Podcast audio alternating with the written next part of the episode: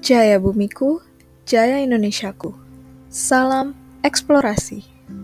Selamat datang di podcast persembahan Ikatan Mahasiswa Geofisika Universitas Brawijaya.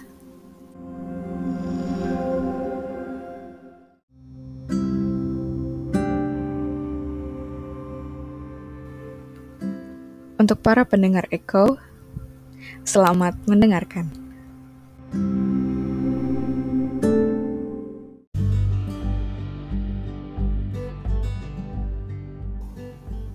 Berbicara mengenai listrik, mungkin adalah suatu hal yang sangat familiar untuk manusia modern saat ini.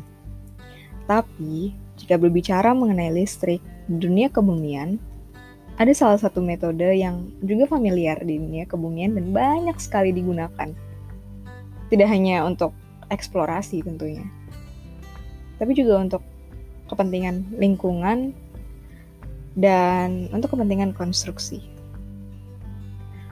Metode resistivitas.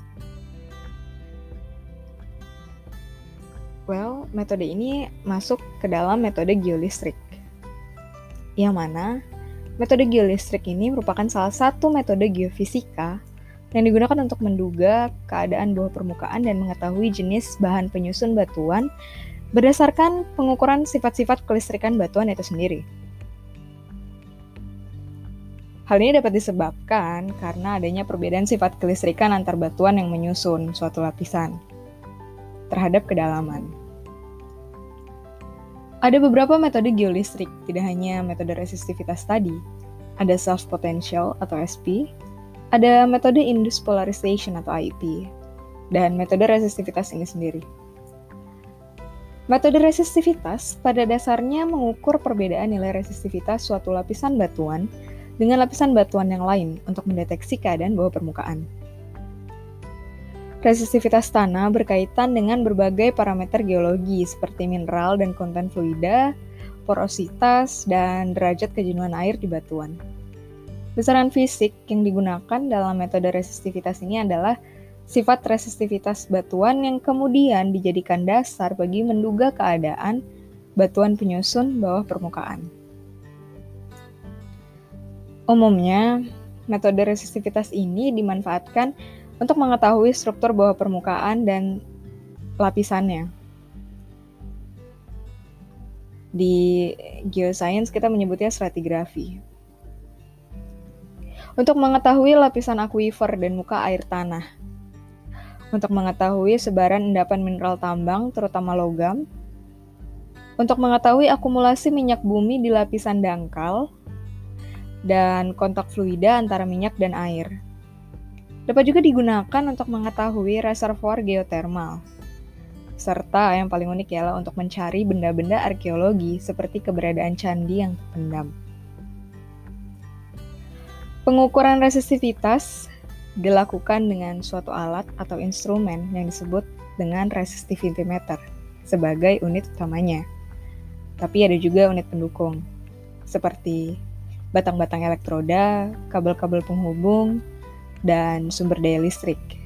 Sumber dayanya dapat berupa baterai dan juga aki.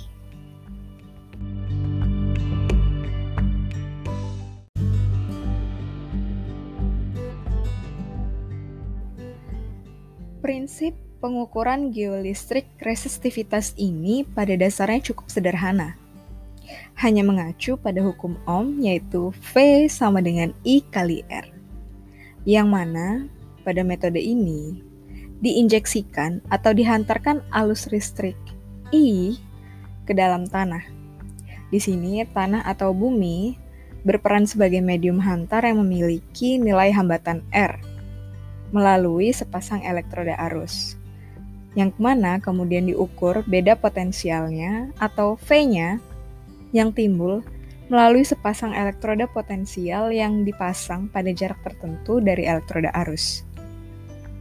Resistivitas terukur ini kemudian umumnya dinyatakan dalam satuan ohmmeter.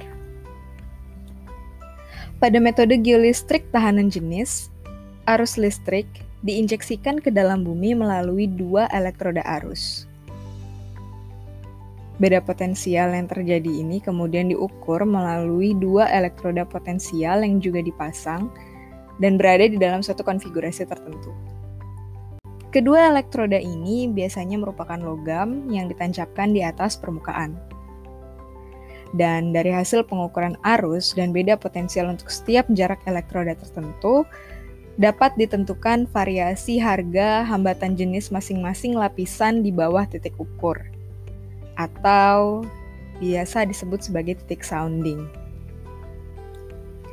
Faktor-faktor yang mempengaruhi daya hantar alus listrik menurut Telford yang ditulis pada bukunya yang dipublish pada tahun 1990 di antaranya adalah kandungan mineral logam, kandungan mineral non-logam, kandungan elektrolit padat, kandungan air, perbedaan tekstur batuan, perbedaan porositas pada batuan, perbedaan permeabilitas, dan tentunya perbedaan temperatur.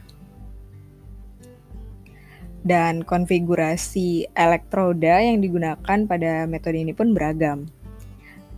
Yang paling umum digunakan di antaranya biasanya ada dipol-dipol, Schlumberger, dan konfigurasi banner.